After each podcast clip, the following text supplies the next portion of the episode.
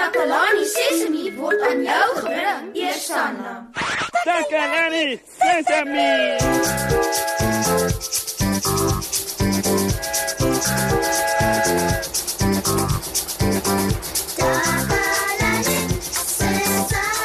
Hallo maat, baie welkom by Takalani Sesemi. My vriendin Kammy is vandag saam hier in die ateljee. Hallo maats. Kammy is hier om vir ons 'n mooi storie te vertel oor oor 'n uh, waaroor is dit Kammy? Hmm, dis 'n storie oor 'n dogtertjie wat hard moes werk om haar droom te laat waar word. Is julle gereed vir hierdie storie ouens? Ek, hoop so. Dit klink na 'n goeie een en ek kan nie wag om dit te hoor nie. Eh, eh, Jy kan maar begin Kammy. Eens op 'n tyd, lank, lank gelede, in 'n klein dorpie, het daar 'n dogtertjie met die naam Lizzie gewoon. Lizzie was 5 jaar oud en het saam met haar pa en haar ma gebly. Haar pa het in die myn gewerk en het daar seer gekry. Na die ongeluk het hy net een been gehad en hy was ongelukkig omdat hy net een been gehad het, want hy kon nie meer alles doen wat hy graag wou nie.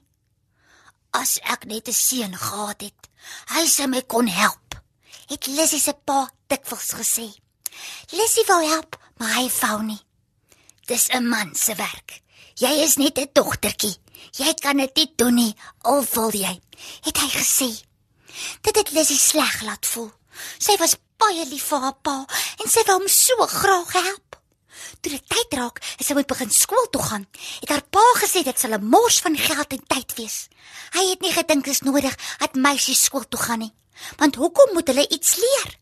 Seuns moet leer sodat hulle eendag vir hulle gesinne kan sorg en daar moet na meisies gekyk word, so hulle het nie nodig om te werk nie. Lizzie is dus nie skool toe nie, maar sy was nog altyd nuuskierig. Sy het maatjies gehad wat skool toe gegaan het en sy het daarvan gehou om by hulle te gaan kuier terwyl hulle huiswerk doen. Sy het hulle gevra wat verskillende woorde beteken en ook gevra dat hulle haar moet leer om te skryf. Sy het daarna uitgesien om tyd saam met hulle deur te bring as hulle uit die skool uitkom. Fooi tog Kammy. Hoekom het hulle haar nie maar skool toe laat gaan nie? Ai, want in daardie tyd het mense geglo vroue kan nie sekere goed doen nie. Net mans kan. O, maar dit het verander, né, Kammy? O ja, mosie, o ja. Toe Lissy 8 jaar oud was, het sy gehoor hoe kla pa oor sy skape. Gister het vier van my skape nie uit die berg teruggekeer nie. As ek net 'n seun gehad het, sou hulle gaan soek het en terug huis toe gebring het.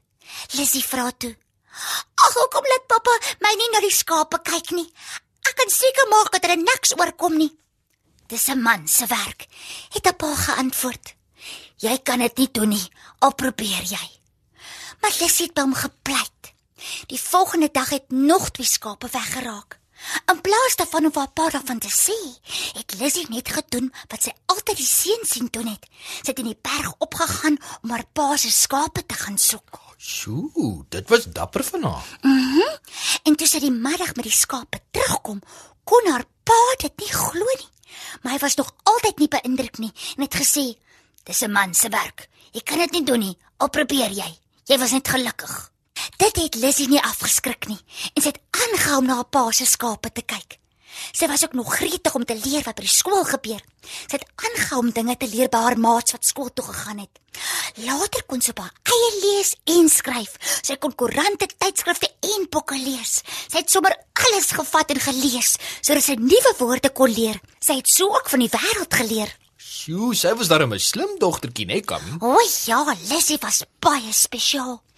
Eendag is sy en van die seuns toe in die bos. Toe hulle sien daar kom 'n groot storm. Die wolke was eintlik so dik en toe het weerlig begin slaan en daar was donne weer. Ooh, ooh, dit maak 'n mens bang. Ja, en toe die donne weer aanhou, het die skape gehardloop om skuilings te soek. Die seuns wat hulle opgepas het, was bang en Lissy was ook bang. Die skape het nie geweet watter kant om te gaan nie. Hulle het in alle rigtings begin hardloop. Die seuns het kwaad geraak en besluit om sonder hulle skape terug huis toe te gaan. Maar Lissy het vasgebyt. Sy het al haar pa se skape bymekaar gemaak en hulle terug huis toe geneem. Haar pa kon dit nie glo nie. Hy was trots op haar. Dit is toe dat hy besef het Lissy is slim. Dat hy besluit het sy moet skool toe gaan. Sy was so 'n slim dogtertjie dat sy 3 grade in 1 jaar gedoen het. Eendag kom daar toe 'n brief vir haar pa aan. Hy wou dat iemand dit vir hom lees. Niemand kon die brief lees nie, want dit was vol groot woorde wat hulle nie kon verstaan nie. Lizzie het gevra om dit te lees. Haar pa het nie gedink sy sal kan nie, maar hy het in elk geval vir haar gegee. Lizzie het die brief gelees en vir hom gesê wat daarin staan. Die brief het gesê hulle grond gaan van hulle af weggeneem word. Haar pa moes 'n prokureur kry sodat hulle kon beklei om die grond te hou. Hy kon nie een bekostig nie. Daardie dag het Lizzie besluit sy wil eendag 'n prokureur word. Sy was vasbeslote om hard te leer en haar droom waar te laat word. Vandag is Lizzie een van die beste prokureurs in die land en sy werk hard om jong meisies te help om hulle drome waar te laat word. Die einde. Sjoe, dit was baie mooi, Kammy. Dis die storie waarvoor ek die liefste is. Dit wys ons dat seuns en dogters albei alles kan doen waarvan hulle droom. Dit leer ons dat daar nie so iets soos 'n man se werk of soos 'n vrou se werk is nie. Alles is moontlik. Dit is so waar, Kammy. Ja. baie dankie vir die wonderlike storie. Maats, ek hoop julle het dit net so baie geniet soos ek. Nou hoop ek julle gaan hierdie liedjie ook geniet. Hier kom dit. Ons kan nie sonder mense nie. Ons kan nie sonder mense nie. Dokters maak ons gou gesond. Verkeerskonstabels wys die motors rond. Die veearts help die diere en die brandweerman blus vure. Ons kan nie sonder mense nie. Sonder mense nie. Juffrou leer ons somme maak sodat ons ook slim kan raak. Die een wat ons die meeste help is oom bankier. Hy gee ons geld. Ons kan nie sonder mense nie. Ons kan nie sonder mense nie. Pappa en mamma help ons leer wat is reg en wat's verkeerd. Die dominee het lank studeer om mense van die Heer te leer. Ons kan nie sonder mense nie. Ons kan nie sonder mense nie. Ons kan nie sonder mense nie.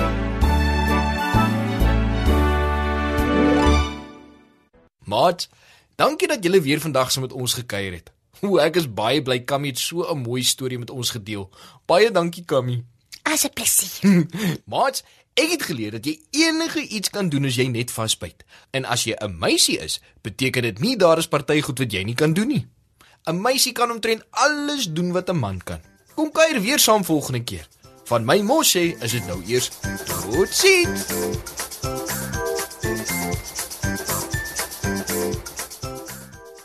Takalani Sesemi is mondelik gemaak deur die ondersteuning van Sanlam.